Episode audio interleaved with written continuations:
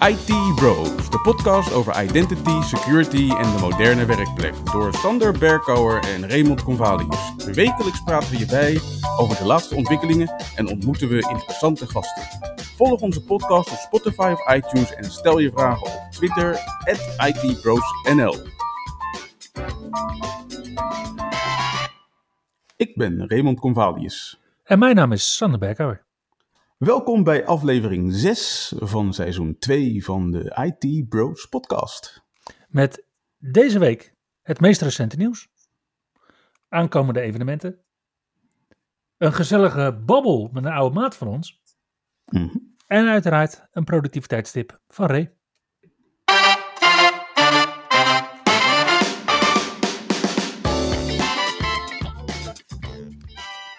Hey Sander, het was weer eh, tijd voor eh, Patch Tuesday deze week. Ja, is eh, vaste, vaste mik hè, op de tweede dinsdag van elke maand. Mhm. Nou, was het vorige maand was het echt bal. Was het deze maand net zo erg?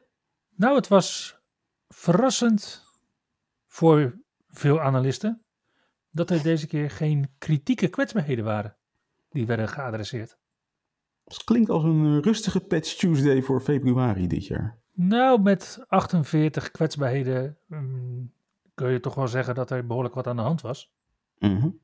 En het scheelt ook voor sommige kwetsbaarheden, maar net. Of het kritiek is of niet. Ja, ik vind het toch altijd een beetje eh, ja, lastig uit te leggen. Wanneer is een kwetsbaarheid kritiek en wanneer is die het niet? Ja, en dat ligt aan die eh, CVSS-score natuurlijk. Maar volgens mij hadden we het laatst al een keertje erover. Dat we hadden, volgens mij hadden we toen twee keer een 9.0. Waarvan er Mhm. eentje wel kritiek was en de andere niet.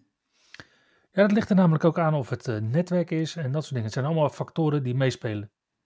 En je hebt inderdaad ook altijd twee scores. En je moet naar allebei kijken. Helder. Dus als we dan bijvoorbeeld kijken naar de, eh, nou vind ik, wel, vind ik dan een interessante kwetsbaarheid. Dat is die CVE 2022 21984. Mhm. Dat is een Windows Server DNS kwetsbaarheid. Een Remote Code Execution kwetsbaarheid. Die je alleen terugvindt in Windows Server 2022 en Windows Server versie 20H2. Oké. Dus dat zijn, eh, kan je dan aannemen, zijn recente toevoegingen aan Mhm. de functionaliteit van Windows DNS, die nu lek blijken. En als je dan gaat kijken naar de CVSS-score, dan is dat inderdaad 8.8 en 7.7. Dus ja, dat blijft er dan inderdaad net aan. Eh, een andere kwetsbaarheid die geadresseerd werd, was een eh, zero-day kwetsbaarheid. Mhm. Dat is een eh, privilege escalation kwetsbaarheid in de kernel. Die luistert naar rugnummer CVE 2022 21989. Oké, klinkt ook aardig kritiek, zonder het te zijn. Ja, maar het is privilege escalation voor de, de lokale werkplek. Dus je moet dan eens inderdaad wel toegang hebben tot een, eh, Mhm. tot een Windows gebaseerd apparaat. En gaan we dan eh, datgene wat Microsoft heeft geadresseerd even analyseren. Dan vinden we 16 van dat soort elevation of privilege kwetsbaarheden terug. 3 security feature bypass kwetsbaarheden. 16 remote code execution. 5 information disclosure. Ook 5 denial of service. En 3 spoofing kwetsbaarheden. En daarbovenop vinden we natuurlijk nog 22 kwetsbaarheden in Microsoft Edge die ook niet meer terug te vinden zijn na deze persronde. Oké, ja, wat ook niet meer eh, terug te vinden is, eh, hopelijk in de loop van dit jaar, is eh, de kwetsbaarheid, ja, eigenlijk generieke kwetsbaarheid van Office als het gaat over macro's. Microsoft heeft namelijk aangekondigd dat Microsoft Office binnenkort by default alle macro's gaat blokkeren van documenten die vanaf het internet komen. Ja, dat is interessant hè, want hoe weet Office nou of een document van het internet komt? Ja, dat is wel een leuke, maar dat doen, doen ze eigenlijk al heel lang, hè, dat onderscheid maken tussen Ja. documenten. Ja, dat doen ze inderdaad met een eh, alternate data stream. Mhm. Ja, en daarmee wordt dus een documentje of een bestand in Windows gemarkeerd als afkomstig van het internet. En vanaf Office versie 2203, die we verwachten begin april, Mhm. zal het dus niet meer mogelijk zijn om macro's te starten vanuit dat soort documenten. Yes, maar dan is natuurlijk nog steeds de vraag: wanneer krijgen de meeste mensen dan Office versie 22.03 op hun werkplekje? Mhm. En dat kan toch best wel eens tot januari 2023 duren. en dat is een beetje afhankelijk. Ja, als je in het semi-annual channel zit, dan duurt het al wat langer. Dus het kan best wel eens lang duren totdat iedereen het heeft. Ja. En ik, toevallig sprak ik laatst met een klant die had tweedehands Office 2016 licenties op de kop weten te tikken voor een heel schappelijke prijs. Mhm. Zij gaan dit dus nooit meekrijgen. Op die Nee. installaties. Dan krijg je dat niet mee. En trouwens, als jij vindt dat je macro's wel moeten kunnen worden gedraaid, dan kan je ze nog altijd digitaal ondertekenen. Ja, dus dat is waarschijnlijk waar we dan nu met macro's naartoe gaan. We zagen het vorige week ook met de API-permissies, die dan van een trusted publisher afkomstig zijn, die inderdaad gehackt is. En ja, we hebben wel eerder digitaal ondertekende bestanden gezien. Mhm. Ja, en dat gaan hackers eh, dus binnenkort ook doen. Digitaal ondertekenen. Van macro's. Ja, Ja. Wat betreft Windows 11 is het een beetje stil deze weken, want eh, vorige week eh, vonden ze bij Microsoft de kwaliteit van de nieuwe developer preview niet goed genoeg. oh, en dat vinden ze nog steeds niet. Nou, dat vinden ze deze week ook niet. Oh. Dus zowel vorige week als deze week geen nieuwe build in de Windows 11 Developer Channel. Ik wil niet zeggen dat er helemaal geen nieuws is. Ehm, Microsoft heeft namelijk de afgelopen week wel een en ander bekendgemaakt dat er wat gaat veranderen rondom de Windows 11 Insider Channels. En men heeft aangegeven dat het Dev Channel wat meer experimenteel gaat worden. Dus we gaan daar vaker features in zien die misschien het niet gaan halen. We gaan ook vaker features zien die nog niet zijn gedocumenteerd. En het gaat ook vaker gebeuren dat er soms features worden geïntroduceerd in de beta channel in plaats van de dev channel. Dus dat wordt ook nog best wel heel interessant. Oké. Daarnaast heeft Microsoft aangekondigd dat er voor die beta en dev channels ook gewoon feature, web en online service experience packs uit gaan komen. Zodat je dus extra functionaliteit kan toevoegen in dat specifieke channel, die dan dus ook weer zich in een soms experimentele fase bevindt. We gaan weer terug naar de, de tijd van de gelekte beelds en eh, uitvinden wat we daarin aan en uit kunnen zetten, heb ik het idee. Daar begint het wel een beetje op te lijken, ja. Maar in ieder geval, als jij vindt dat je het allemaal niet zo spannend hoeft te maken voor jezelf, dan kun je altijd kiezen voor het Release Preview Channel. Mhm. En dan krijg je gewoon, zeg maar, de beeld vlak voordat die klaar is om eh, GA te gaan. Dus om officieel release te gaan worden. Is dat dan de beeld die we het beste kunnen aanraden aan onze vrienden beheerders? Hmm, hangt er vanaf. Ik, bedoel, ik heb zelf heb ik twee machines hier staan. Die ene die draait in de dev channel en die andere draait in de beta channel. En ja, ik bedoel, voor mijn vrouw zou ik zeggen van eh, ga lekker draaien in de release preview channel, dan zit je veilig. Oké.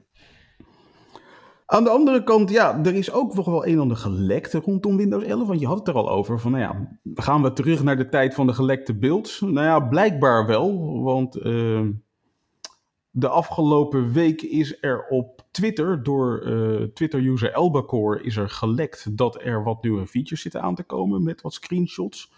Onder andere schijnen er eh, stickers te komen voor, eh, voor de wallpaper. Sorry, maar dat zijn stickers voor de verkeerde kant van het scherm, heb ik het idee. Ja, inderdaad. Stickers op de andere kant van het scherm. Leuk bedacht. Maar precies, op die kant van het scherm kan je dus nou ook stickers gaan plakken. Ehm, notificaties kunnen eh, prioriteiten gaan krijgen. Dus je krijgt straks eh, priority notifications, die je dus eh, wel naar voren kan laten komen wanneer je niet gestoord wil worden. Hmm. En over dat niet gestoord willen worden, we hebben dus nu zoiets dat heet Focus Assist. Om je te helpen te focussen. Nou, dat Focus Assist gaan ze renamen. We, we hebben het straks denk ik met, met, met Pieter daar nog wel over. Rebranding bij Microsoft. Dus in dit geval Focus Assist wordt Focus. Ja, we, we, gaan we, gaan we niet meer helpen. We gaan het gewoon doen. Ja. There is no try, there is only do. Precies. Ja, en dan eh, hebben ze ook nog een nieuwe optie in de instellingen. Namelijk bij eh, de power instellingen krijg je er een, een optie bij. En die heet Sustainability. En die gaat je dus helpen om je machines zo zuinig mogelijk te laten draaien. Oké. En als laatste, upcoming new feature gaan we een old feature terugzien. Namelijk de tablet mode komt terug in Windows 11. Hey. De dikke vingersmodus. Ja. Hadden we daarmee alle nieuws gehad rondom Windows? Nou, nog niet helemaal. Want de Windows Terminal heeft een nieuwe preview gekregen, namelijk versie 1.13. En 1.13 heeft best wel een hele leuke nieuwe feature, namelijk je kan uh, daar profielen in aanmaken. En in die profielen kan je aangeven of dat profiel moet draaien als administrator. En dat zijn de zogenaamde Auto-Elevated Profiles. Oké. Daarnaast krijgen we er een uh, nieuwe interface in voor de instellingen. En Microsoft is aan het experimenteren met uh, de rendering engine. Dus er zit een experimentele rendering engine in die je kan aan- of uitschakelen om te kijken of het beeld wat mooier wordt opgebouwd voor de mm -hmm. Windows terminal. Er zit nu ook een customizable bell sound in, dus je kan het belgeluidje anders laten klinken. En als laatste heeft uh, Microsoft Windows Terminal geoptimaliseerd voor Windows 11 door nu ook de snap layouts van Windows 11 te gaan ondersteunen voor Windows Terminal. Cool, en jij hebt natuurlijk die, uh, die release notes binnenstebuiten gekeerd. Mm -hmm. En dan weet, jij, dan weet jij wat ik ga vragen. Ondersteunt Microsoft het nu ook al op ServerCoin? Daar hebben ze volgens mij in de release notes niks over geschreven. Maar aan je toon hoor ik al dat het niet zo is. Nee.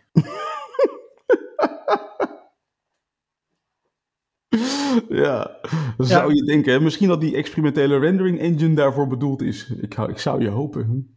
We blijven het gewoon noemen in de podcast. En misschien dat het ooit een keer wordt opgepikt. Wie weet. Nu heeft Microsoft uh, met de MSIX app installer uh, stiekem een paar maanden geleden wat ontdekt. Namelijk de MSIX app installer heeft er een protocol bij, al een tijdje terug.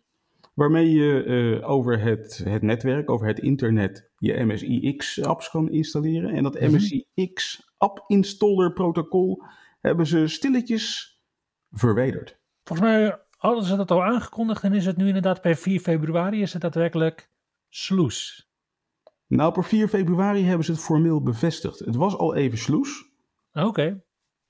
En op 4 februari hebben ze officieel bevestigd van ja, sorry, maar uh, voorlopig doen we dit even niet meer.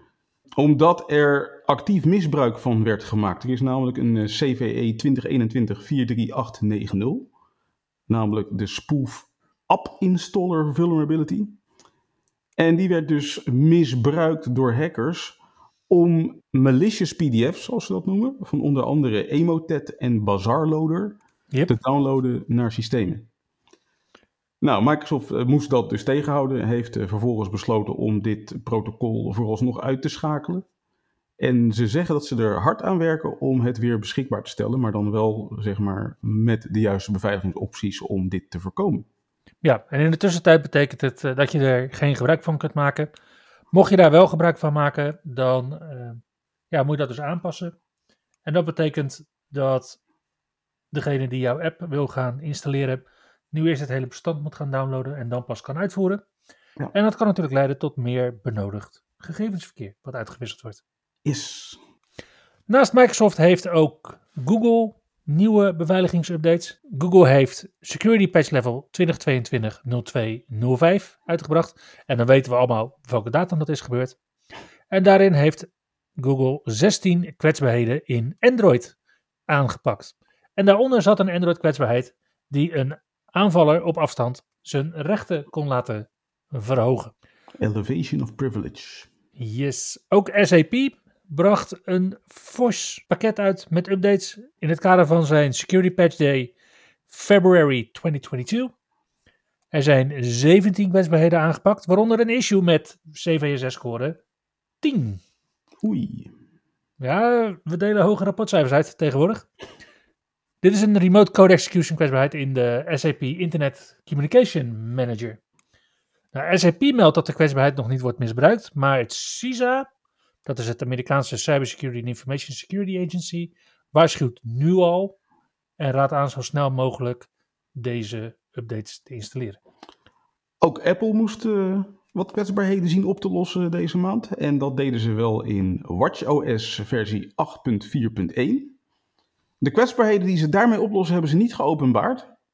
En dat had waarschijnlijk mee te maken omdat Apple uh, met andere dingen bezig was. Want uh, ja, Apple ligt zwaar overhoop met onze autoriteit, consument en markten. Ja. Ja, er, rechter van de rechtbank Rotterdam heeft natuurlijk in december een uitspraak gedaan dat ze het mogelijk moesten maken dat dating apps in de Nederlandse App Store van Apple alternatieve betaalmethodes moesten kunnen gebruiken. Mhm. En nu heeft de ACM de eerste boete uitgedeeld omdat ze vinden dat Apple gewoon niet voldoende informatie heeft gegeven. En dat is een boete van 15 miljoen euro. Ja, je kan je natuurlijk afvragen met de omzetcijfers en met de winsten van Apple of ze daar wakker van liggen. Maar als ze hier niet wakker om liggen, dan liggen ze hier misschien sowieso niet wakker van. Want de rechter heeft ook een maximum van 50 miljoen euro opgegeven. Ja, ja, er komt iedere week 5 miljoen euro bij. Ja, want wat ze dus gedaan hebben, is dat eh, Apple schijnt dus wel wat hebben aangepast. Ik, volgens mij was dat het weekend waarin ze moesten voldoen aan eh, de opgelegde regeling, zeg maar, door de Mhm. rechter, hebben ze eh, aan de ontwikkelaars twee mogelijkheden beschikbaar gesteld om, zeg maar, alternatieve betaalmethodes eh, te gaan gebruiken. En dat doen ze op basis van bepaalde rechten die ze kunnen toekennen aan die apps. Oké. En de ACM, ten, ten eerste is de ACM daar niet over ingelicht. Dat is denk ik de belangrijkste reden waarom de ACM heeft gezegd van wij weten nog steeds niks en je gaat nu gewoon betalen. Plus Ja. dat de ACM zegt van ja, de opties die de ontwikkelaars hebben gekregen zijn onvoldoende. Bieden niet de vrijheid die volgens de rechter geboden zou moeten worden in die betalingssystemen. Oké. Dus vooralsnog eh, is Apple niet van de ACM af. En ja, ik denk dat dit nog wel even gaat duren. Ja, Apple is natuurlijk op andere vlakken ook bezig met betalen. En in de Verenigde Staten komen ze nu met Apple Tap to Pay. En daarmee kun je betalen tussen iPhones zonder dat er een extra apparaat voor nodig is. En dat organiseert Apple samen met de betaaldienst Stripe. Mhm. Nou, alles vanaf de iPhone XS, dus dat betekent dat er dus een NFC-chip wordt gebruikt Mhm. ondersteunt deze feature. En het is technologie op basis van MobiWave. En dat is een organisatie die Apple in 2020 overnam. Ja, dat MobiWave, eh, dat is een best wel interessant bedrijf. Dat hadden ze bij Samsung trouwens ook door. En die hebben in 2019 ook al eens een dergelijke oplossing eh, gepresenteerd met MobiWave. Alleen niet heel lang daarna heeft Apple MobiWave overgenomen en ingelijfd. En blijkbaar hebben ze de technologie nu zelf in handen genomen. Ja, was blijkbaar een goede presentatie die Samsung gaf. Ik denk het. Vooralsnog is het niet helemaal duidelijk of je straks ook gewoon met je pinpas kan betalen, eh, zeg maar, bij een Apple-telefoon. Omdat het ook NFC is, ja. Ja, maar het zou zomaar kunnen dat we dus straks gewoon eh, in plaats van betaalterminals een, eh, een iPhone in de hand geduwd krijgen. Terwijl we inderdaad ook met onze bankpas het OV instappen in plaats van de OV-chipkaart. Ja. Nou ja, ik denk dat dat straks ook gewoon een optie wordt voor je, eh, voor je telefoon. Dat je met je telefoon in- instapt bij de trein. Yep. Ja, wat nu al heel veel mensen doen met hun telefoon is natuurlijk aanmelden. Tenminste, als je iets doet met passwordless, dan zie ik dat meestal met Authenticator app. En af en toe met die kekke 402 beveiligingssleutels. Maar in een recent verschenen rapport is Microsoft eigenlijk wel teleurgesteld over de adoptie van multifactor authenticatie in Azure AD. Slechts 22% van de tenants heeft multifactor authentication Hm. geconfigureerd. Tricky. Het is gelukkig wel heel wat meer dan de 0,7% die het vijf jaar geleden was. En toen ging het ook alleen maar om tenant admins. Ja, Het, het begint wel gemeengoed te worden. Lijkt me wel. Men begint ook wel aan te wennen. Vooral sinds eh, Google een jaar geleden gewoon twee-stapsverificatie verplicht heeft gesteld voor al zijn Gmail-gebruikers. En dat heeft Google geen windeieren gelegd, want ze zeggen dat sinds dat dat is gebeurd, wordt er 50% minder gehackt op die accounts. Althans, worden er minder geslaagde hacks gepleegd op die accounts van Google. Dus al met al eh, blijkt het gewoon wel te werken. En eh, ja, zal ook Microsoft er denk ik van alles aan gaan doen om dit voor iedereen door te gevoerd te krijgen. Ja, ondertussen zitten de kwaadwillenden alleen ook niet stil. En dat betekent dat je nu steeds meer reverse proxy aanvallen ziet. Ja. En ik las ook een stuk verhaal over iemand die inderdaad credentials eh, vond in een, eh, in een GitHub. En daarmee eh, aan de slag ging, tegen MFA-prompt aanliep. En die MFA-prompt werd gewoon goedgekeurd. Ja, ja, ja. Ik, heb, ik heb dat zelf onlangs ook voorbij zien komen. Iets soortgelijks bij een klant van mij, waarbij men zich afvroeg van hoe kan het nou dat het is gelukt om binnen te komen in de mailbox van die gebruiker. En toen vond ik inderdaad in de logs terug dat er iemand vanuit Nigeria probeerde in te loggen en dat die eindgebruiker gewoon klikte approve. Approve, yep. Dus uh, ja, security blijft altijd iets wat zich afspeelt uh, tussen het uh, toetsenbord en de stoel. Ja, en Microsoft is ook wel druk bezig om dat soort aanvallen tegen te gaan. Want met number matching zien we natuurlijk dat je al mm -hmm. flink wat meer moeite moet doen. En dat je dus inderdaad ook echt de Authenticator app moet zelf moet hebben. Mm -hmm. Omdat daar het nummer in verschijnt wat je dan inderdaad moet gaan intypen. En je, we krijgen natuurlijk dadelijk veel meer zichtbaarheid in welke dienst daadwerkelijk de MFA-prompt toont. Ja. En als je dan helemaal niet met je mail bezig bent, dan is het ineens wel heel erg raar dat je wordt geprompt voor je mail. Precies. Het wordt beter, dus uh, wie weet gaan we allemaal ooit eens een keer aan de multifactor authentication. Ja, ik weet het niet. Het is toch lastig met remote desktop protocol. En daarom was ik ook best wel blij om te zien dat er weer nieuwe verbeteringen zitten in Azure Bastion. Mm Mhm. -hmm. Want ik kan natuurlijk als beheerder, kan ik voor het Azure beheer, kan ik heel makkelijk multifactor authentication vereisen. Voordat je inderdaad de Azure Bastion in kunt gaan om daar met RDP of met SSH je machines te beheren. Mm -hmm. En Microsoft heeft nu in public preview met Azure Bastion dat je nu ook bestanden kunt uitwisselen. Nice. Yep.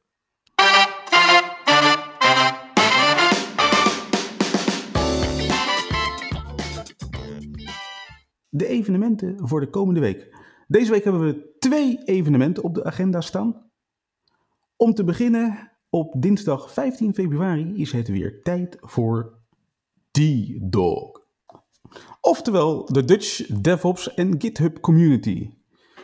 Deze keer vindt het evenement virtueel plaats. En wel met twee presentatoren, namelijk Sarah Lean, die een presentatie heeft Getting Started with Octopus Deploy. En Johnny Hooibergs met de presentatie Quantum Software Development, Azure Quantum en Microsoft Q Sharp.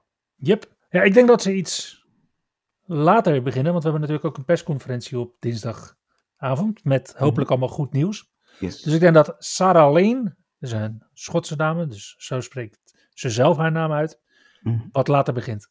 Oké. Op donderdag 17 februari, dit is een beetje een vreemde eend in de bijt, maar ik wilde hem wel melden, vindt de privacyreden voor 2021 plaats met Kees Verhoeven. Mhm. En de privacyreden, dat is een, eh, een terugkerend evenement. En de privacyreden biedt een podium aan personen die een vernieuwende blik werpen op maatschappelijke gevolgen van technologie. En Setup en Surf en Tivoli Vredenburg en de KNVI organiseren hem eh, dit jaar. Het is de zevende editie. En mocht de naam Setup je onbekend voorkomen, dat is het platform voor een technologie-kritische samenleving. En ken de naam Kees Verhoeven niet, dan ja, vraag ik me misschien wel een beetje af onder welke rots je vandaan komt kruipen. Maar Kees Verhoeven was jarenlang in de Tweede Kamer zo ongeveer de enige die iets snapte van ICT. Mhm. Nou, dat doet hij niet meer.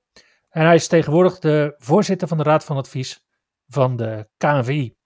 En het onderwerp van deze privacyreden is hoe sta je op tegen techreuzen als Google en Facebook? En hoe stoppen we de datahonger van de overheid? Donderdagavond vanaf 7 uur tot half 10 is dit een hybride evenement. Waarvoor de stoelen volgens mij al zijn uitverkocht. Maar waarvoor je virtueel nog deel kan nemen via Yes. het internet. Ja, je kan je tickets kopen op de website van Tivoli Vredenburg.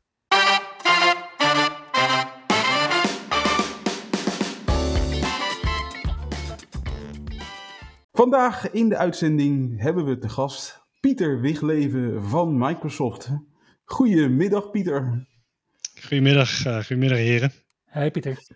Tijd geleden dat we elkaar hebben gezien en gesproken. Leuk je weer te zien. Ja, eens gelijks. Welkom eh, terug in Nederland. Ja, wat was, uh, wat was eigenlijk de reden dat we Pieter zo lang niet hebben gezien? Nou ja, Pieter is een, een aantal jaren terug uh, naar Amerika vertrokken. En, eh, en eerlijk gezegd had ik eh, verwacht hem voorlopig niet terug te zien, totdat hij eh, tot mijn grote schrik eigenlijk niet zo lang geleden aankondigde van nou, eh, ik kom terug. Tot jouw grote schrik. Ja. Maar hoopt hij dat, Raymond? Hoopt hij dat je me voorlopig even niet zou zien? Nou, nee, dat niet. Ik hoopte je weer in Amerika te kunnen ontmoeten. Maar, Ja, weet je wat mijn opa altijd zei, Ray?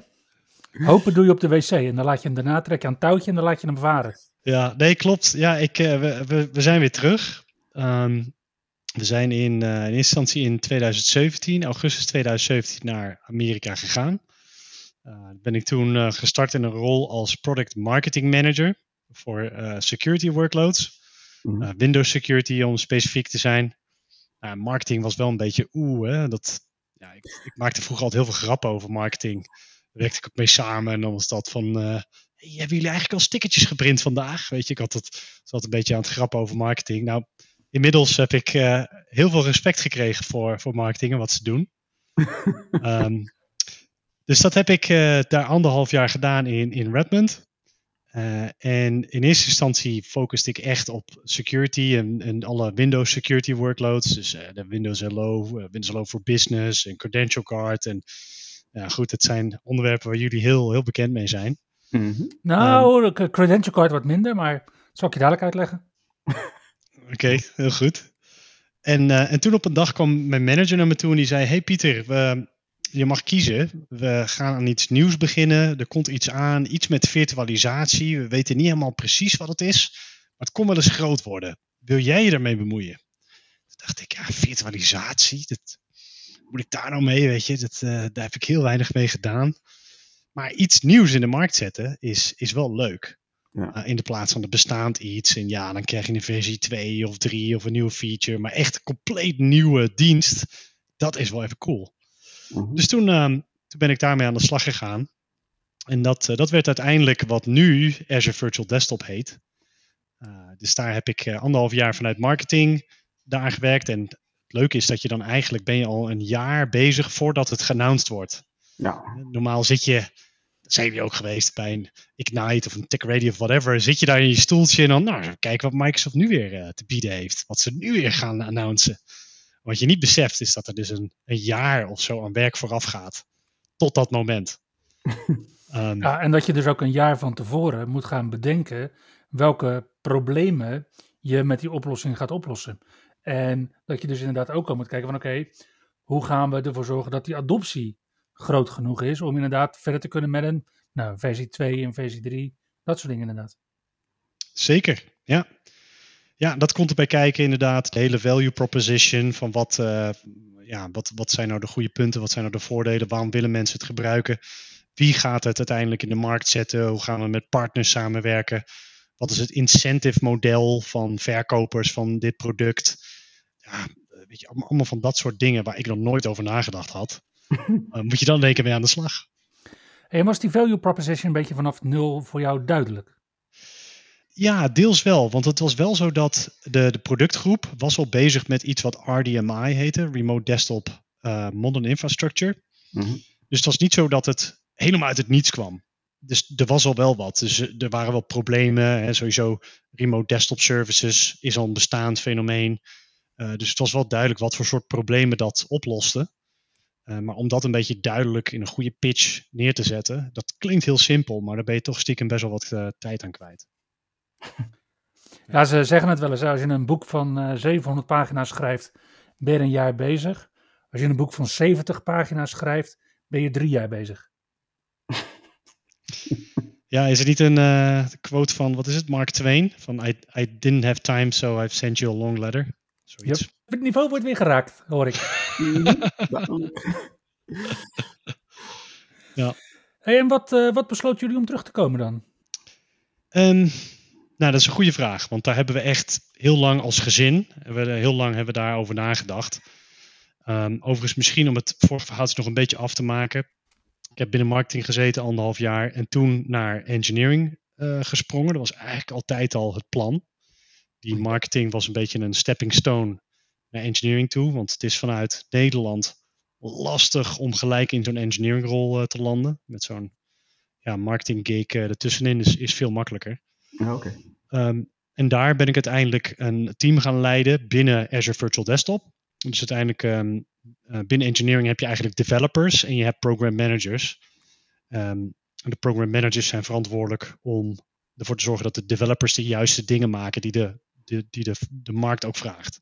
Dus ik had een team van program managers en met z'n allen waren we dan bezig om Azure Virtual Desktop verder uit te breiden. Um, en dat heb ik ja, ongeveer drie jaar gedaan, zoiets. Zo. Dus bij elkaar vier en een half. Ja, en toen, om je vraag te beantwoorden, was het echt heel lastig. Want het leven is daar best goed. uh, we, hadden, we hadden een heel mooi huis. Het was een oude huis, maar wij vonden het een fantastisch mooi huis. We hadden een tuin. Maar daarvoor woonden we in Voorburg. En mijn tuin was ongeveer zo groot als mijn schoen. Echt gewoon super klein, weet je. Gewoon het standaard postzegeltje, je kent het. Ja. En uh, daar hadden we letterlijk een, een half voetbalveld. Ik heb het wel eens omgerekend. En kennelijk is het dus niet een standaard size voor een voetbalveld. Dat schijnt ook weer te variëren, maar ongeveer een half voetbalveld. Mm-hmm. Dus we hadden een tuinman nodig en zo. Allemaal problemen die, dat je denkt, wauw, wat een geweldig probleem om te hebben. We hebben een tuinman nodig. en uh, skiën, weet je, drie kwartier rijden had je de pistes. Het is vaak op zaterdag gekeken van, nou, gaan we nu of over een uurtje of morgen. Dan kun je gewoon even snel skiën. Mm-hmm. Uh, dus die berg hadden we heel veel plezier van. Ik ben veel gaan rennen in de bergen. En uh, campus was op 10 minuten rijden. We wonen in de bossen. Dus de baan was ook hartstikke leuk. Dus als je van afstandje bekijkt, dan denk je ja. En Raymond, jij begon er ook mee van ja, ik had je niet terug verwacht. Nee, nee, ja goed. Ik, ik volg je op Facebook en ik zag je al die fantastische dingen doen. En dan opeens out of the blue zeg je van ik kom terug. Ja, goed. Ja, voor, misschien... voor, ons, voor ons out of the blue, hè? Ja, dat, het, het, is, het is heel lastig. Uiteindelijk, het was, voor ons gingen we er altijd naartoe met een, een tijdelijke instelling. Van we gaan daar naartoe twee, drie jaar, zeiden we. Heel naïef. Mm-hmm. Nou, dan kom je erachter dat het duurt ongeveer een jaar voordat je echt geland bent in zo'n, letterlijk in het land, maar ook in de cultuur. Uh, dat je up to speed bent bij je werk. Het duurt echt een jaar. Ja, dan weet je pas hoe de feestdagen gevierd worden, dat soort dingen, ja. Klopt, ja, uh, precies. Dus, dus met oud en nieuw dachten we, ah, leuk vuurwerk. Nou, niks, er bestaat er niets. 4th of July is natuurlijk vuurwerk. Allemaal van dat soort dingen leer je dan. Um, maar stel je voor je zou na twee jaar terug willen zijn. Dan moet je eigenlijk al na dat jaar, moet je alweer een beetje je netwerk gaan aanzwengelen. Want je zit daar gewoon op een Amerikaans contract. Hè? Je krijgt een, letterlijk een one-way ticket. Je mag ook niet er een toertje boeken. Nee, nee, one-way ticket. Uh, dus als je terug wil, moet je eigenlijk ook weer een baan in Nederland zien te regelen. Met min of meer dezelfde voorwaarden, maar dan de andere kant op. Ja. Dus stel je wilt na twee jaar terug zijn, moet je na een jaar moet je alweer je netwerk gaan aanzwengelen. Ja, dat is gewoon niet realistisch. Dat, dat gebeurt gewoon niet. Dus dan is drie jaar is eigenlijk het kortste dat je kunt gaan zonder dat je hele rare dingen doet. En um, ja, we vonden het gewoon hartstikke leuk. Dus dus we zeiden twee, drie jaar. En dat is mislukt met vier en een half. We vonden het daar gewoon hartstikke leuk. En op een gegeven moment vervreemd je ook een beetje van zo'n land als Nederland. Dat je denkt, ja, maar waarom zouden we eigenlijk teruggaan? Wat, wat is daar zo leuk? Ja. Uh, terwijl Nederland is echt wel heel leuk. uh, dus, uh, maar, maar het is wel zo dat je... Een van de onderwerpen die telkens terugkomt is... Ja, maar waar willen we nou precies ouder worden? Is dat hier in Amerika? En je je maakt ook, omdat je met die tijdelijke instelling gaat, maak je ook rare beslissingen. Je maakt tijdelijke beslissingen. Dus bijvoorbeeld, dan gaat je vaatwasser stuk. Nou, dan sta je daar in de, de Best Buy of weet ik veel waar. En dan kun je kiezen tussen een of ander super goedkoop hok van 200 dollar. Of een hele mooie luxe vaatwasser van 500 dollar. En dan denk je, nou, doe nog maar die van 200, want dan zit die toch tijdelijk. nou, en daar heb je dan elke dag spijt van. Omdat dat ding het voor geen meter doet natuurlijk. En na uh, drie maanden al begint te rammelen en zo. Maar dat, dat zijn allemaal van die beslissingen die je maakt, omdat je met een tijdelijke instelling daar naartoe komt. En nou uh, zei ik er net al, uh, out of the blue. Nou is de kleur van Microsoft is natuurlijk ook blauw. Werk je nog bij Microsoft? Yes. Werk nog bij Microsoft. Uh, ik werk nu bij Microsoft Nederland als uh, technical sales manager. En dat wil zeggen, dus ik ben van engineering naar sales gegaan, wat weer heel iets anders is. Dus ik heb een team van uh, technisch specialisten. En die helpen tijdens de, de sales om alle technische blokkers en alle technische gesprekken eigenlijk te voeren. Technische blokkers weg te halen en alle technische gesprekken te voeren. specifiek voor security, compliance en identity. Gaaf. En dan werk je samen met uh, Jeroen Jansen waarschijnlijk. Is dan jouw even knie op de marketing? Juist, klopt. Ja, dus Jeroen Jansen is inderdaad de product marketing manager voor security. Dus daar werk je veel mee samen. Die moeten we ook nog even in de show hebben, Ray. Die mhm. ga ik wel even contacten. Oh ja, die is, dat is een leuk om op bezoek te hebben. Ja, sowieso. Die heeft veel ervaring ook met eh, radio en dat soort dingen. Ja, precies. Ja. ja, ik vind het hartstikke gaaf. Want dat betekent dus waarschijnlijk dat we, ja, vooral met jouw inzet en de inzet van Jeroen, de komende jaren nog veel meer security en identity gaan doen in Nederland. Ik hoop het wel. Ja, ik hoop het wel. We hebben uiteindelijk wel als doel om Nederland veiliger te maken. En uh, daar hebben we nog een lange weg te gaan. Ja, ik ben wel benieuwd waarom je dat dan zegt, Pieter. Wat, als je drie voorbeelden kunt geven waarom je dat vindt, welke voorbeelden zou je dan geven? Nou, ik denk dat als je kijkt naar het hele security landscape, dat is allemaal wel heel erg verhard de afgelopen jaren. Dus uh, ik, ik, heb altijd een enorme passie gehad voor security. Dat is een beetje de rode draad om mijn hele carrière heen. En um, zelf ook nog wel wat geëxperimenteerd als een soort van script kiddie, weet ik veel, 15 jaar geleden. En toen was het echt nog een ja, leuke community en het was allemaal grappig en, uh, en, en, en meer experimenteel. Mhm. Terwijl als je kijkt naar vandaag de dag is het natuurlijk gewoon keiharde ransomware en echt bedrijven die worden afgeperst en uh, staatgesponsorde actoren die om allerlei politieke en commerciële belangen organisaties hacken. Dus die, die, die hele industrie en die hele wereld is enorm, enorm verhard. En ik denk niet dat de verdediging in hetzelfde tempo heeft meegelopen. Dus nu is het, is het best wel lastig om je heel goed te weren tegen ja, malicious actors met alle legacy die we hebben in de wereld. Ja. Dus niet drie voorbeelden, maar wel een korte pitch hoe ik er uh, tegenaan kijk. Mm ja, maar wat ik ook zie is dat, en je zei het er net al van ja, je bent bezig met die technische blokken inderdaad aan te pakken. Wat ik ook zie is dat voor heel veel organisaties geldt dat beheerders bijna uitsluitend technisch denken. Mm En dat als je inderdaad meer kijkt naar, naar processen, naar functionaliteit, naar governance um, en, en, en data, dat daar ook nog wel heel veel te halen valt. En dat dat ook vooral in de, bijvoorbeeld in de Microsoft 365 E5 suite veel meer naar voren toe komt. Ja.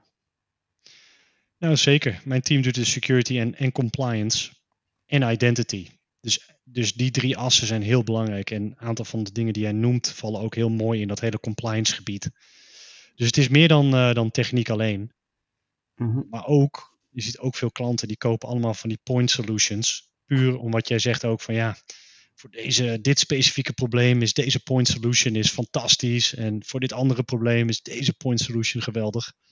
En de kracht van Microsoft is natuurlijk de integratie daartussen. En vooral bij security heb je dat vaak nodig om het, het hele, ja, het geheel te kunnen zien. Ja. Mhm. En daarnaast ook om de eindgebruikerservaring eh, een beetje goed te houden. Ja, ik, heb, ik zat op een gegeven moment bij een grote klant van ons. Ze grapten over hun eigen design van hun endpoints. Dus ze hadden Windows clients. Die dingen waren niet vooruit te branden, omdat ze allemaal agents hadden. Eentje agent voor dit, agent voor dat, agent voor iets anders. Toen zeiden ze ook, ja, ons bedrijf heeft een uh, leave no vendor behind policy. Uh, dat ze gewoon alles aanschaften en alles op die endpoint dumpten. Dus uh, dat, dat zien we ook nog gebeuren. Ja, ook niet geweldig. Nou ja, met de geruchten dat Microsoft nu aan het azen is op uh, Mandiant, uh, zou het zomaar één agent kunnen schelen bij zo'n organisatie?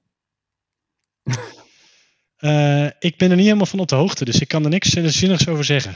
Nee, dat verwacht ik ook helemaal niet. Wat ik me daar afvraag, Pieter, nu je zeg maar die reis hebt gemaakt van technical specialist naar marketing, naar engineering, naar sales hoe kijk je nu aan tegen marketing en rebranding? Is, is je beeld daarvan anders geworden? Uh, dus rebranden. Nou, ik, ik ging naar de US en ik dacht, oké, ik ga één, als ik één ding kan bereiken, dan zie ik mijn, mijn leven als geslaagd. En dat is duidelijk maken bij al die mensen daar dat ze moeten stoppen, dat ze moeten kappen met het rebranden van al die producten. Nou, dat is niet gelukt. Het is niet gelukt. Nee, maar ik heb wel meer inzicht gekregen in hoe zo'n proces verloopt. Wat Oh. op zich wel, wel grappig is. Overigens misschien wel een leuke voor Azure Virtual Desktop. Eerst had het een projectnaam. Ehm, dus in- eh, want je hebt een hele workstream over hoe je een product een naam geeft. Mhm. Wat super lastig is. En ik was verantwoordelijk voor Windows Virtual Desktop, wat later Azure Virtual Desktop werd. En ik kan je vertellen, een product een naam geven, dat is hetzelfde alsof je met 100 man de naam van een kind bepaalt. Weet je, niemand is het met elkaar eens. Mhm. Maar als je dan vervolgens een jaar later je zegt: Hé hey jongens, we hebben nu Windows Virtual Desktop een jaar in markt. Wat vinden jullie van een naam? Zegt iedereen: Ja, supergoeie naam, is toch logisch? Ja, tuurlijk. Maar ga maar, ga maar eens aan het begin staan. Succes. Maar in eerste instantie hadden we een projectnaam. Ik was verantwoordelijk voor eh, het toewijzen van een projectnaam. Heb je binnen Microsoft heb je daar een tool voor. Voor alles heb je tools of teams. Eh, en dan kun je dus eh, projectnamen genereren die dan veilig zijn, waardoor we niet gesued worden, weet je, omdat er copyright of een trademark op zit. En meestal zijn dat, als je die tool allemaal ehm, namen laat genereren, zijn het vaak plaatsnamen. Ja. Kennelijk is dat, kun je daar geen trademark of copyright op hebben. Dus dat is vanuit een legal perspectief veilig. Maar ja, je wil, natuurlijk, ook- je wil natuurlijk ook niet een plaatsnaam waar ineens, terwijl je bezig bent met bouwen, ineens een grote ramp plaatsvindt. Dat je ineens eh, Project Genua bent en ja, dat, dat je inderdaad een of andere brugtechnologie bouwt. En dat Ja. dat drie maanden voordat je naar de markt gaat, inderdaad, dat dat ineens instort. Nee, precies. Nee, ik denk dat er ook geen eh, Project Chernobyl of zoiets. eh, ik denk dat die er niet tussen staat. Eh, dat klopt. Maar goed, dat inzicht heb je niet altijd van tevoren. Hè? Nee. Maar ik weet nog wel dat ik op, op Generate klikte. En toen stond er eerst een of ander leek. Leek nog wat. En toen dacht ik, nou, dat klinkt als een nieuwe Intel CPU. Dat gaan we niet doen. De tweede in de, in de lijst was Eindhoven. En toen dacht ik, zo, nou, it's meant to be. Dus toen was het Project, Project Eindhoven. En het was hilarisch, want die Amerikanen kunnen dat helemaal niet uitspreken. Nee. Dus, dus ik, ik was aan het gniffelen, joh. Elke keer als, als deden ze weer een poging. Eind, Eindhoven. Het, is echt, het kwam niet. Het kwam er niet lekker uit. Ehm, maar nu nog steeds, als je weet waar je, waar je moet kijken. Als je een bepaalde image in de Azure Gallery, als je kijkt en onder de motorkap, dan zie je nog steeds op bepaalde plekken Eindhoven staan. Cool. Wat daaruit op- afkomstig is. Daar ben ik nog steeds eh, heel trots op. Hey, en het werd op een gegeven moment inderdaad van Windows Virtual Desktop Azure Virtual Desktop.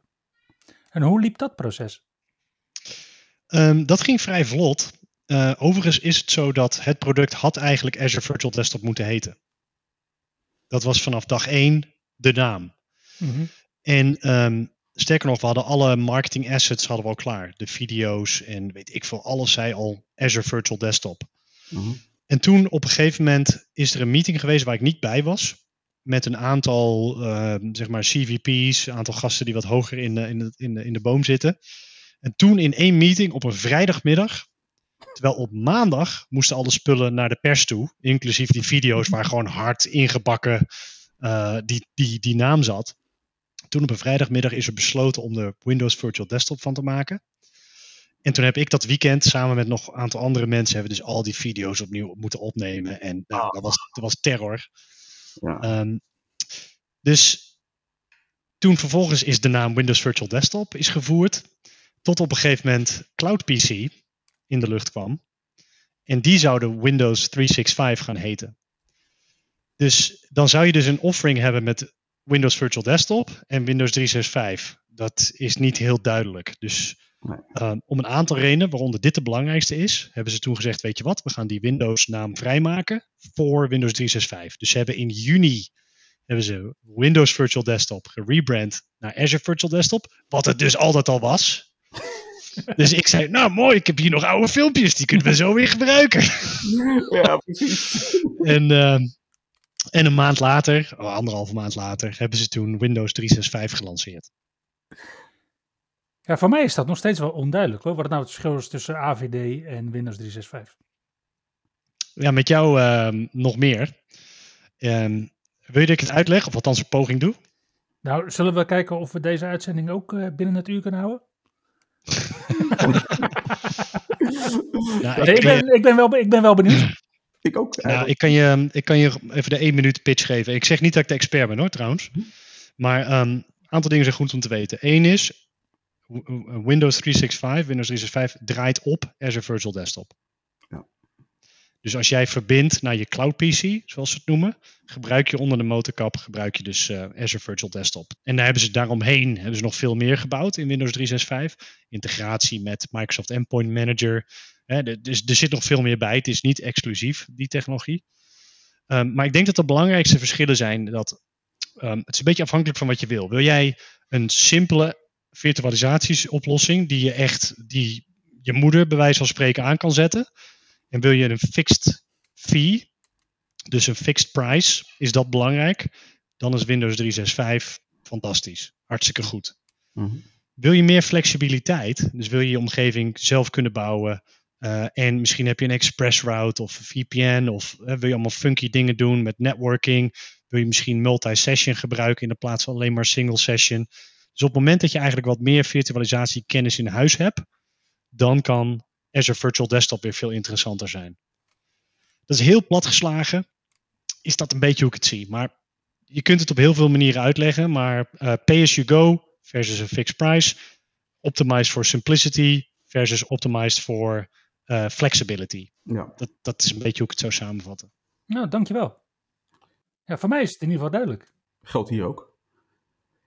Daarmee uh, komen we aan de afronding van, uh, van dit gesprek met Pieter. We gaan toch nog proberen om uh, de totale podcast deze week niet langer dan een uur te laten duren. Ik kan weer flink gaan knippen straks thuis. Maar het is heerlijk om er even bij te kletsen. Ja, super jongens. Hartstikke leuk. Hey, moeten we sowieso binnenkort maar eens afspreken. Zeker, gaan we doen. Moeten we echt doen. Ja. Yes, hey, en Pieter, als jij één tip zou kunnen geven aan IT-pro's, wat zou dat zijn? Ik denk toch, onderschat niet het, uh, het belang van goede security. En, um, en als je wil weten wat goede security is, dan, uh, dan praten we graag met je. ja, breng al je technische blokkers. ja, precies. De, sales, de salesman in Pieter komt alweer naar boven. Hoor. Heel goed van mij hoor. Alright, dankjewel Pieter. Nee, dankjewel mannen. Dankjewel. Tot snel. Yes.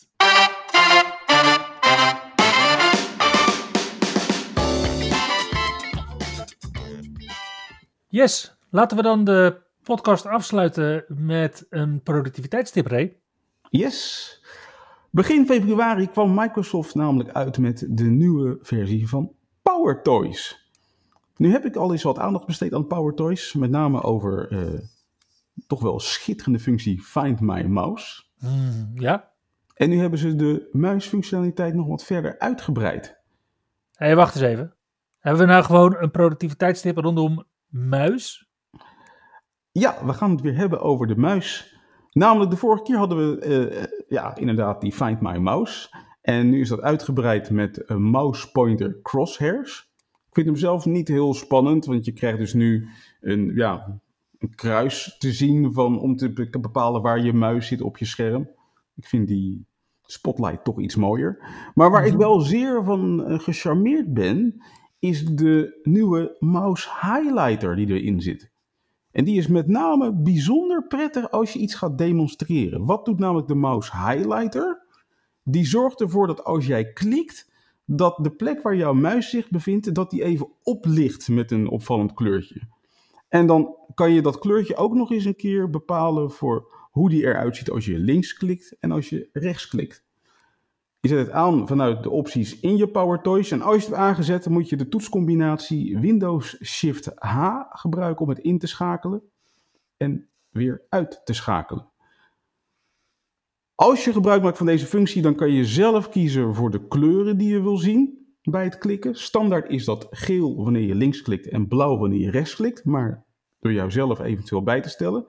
En dan kan je ook nog verder wat heet de opacity, dus door doorzichtigheid van het oplichten instellen.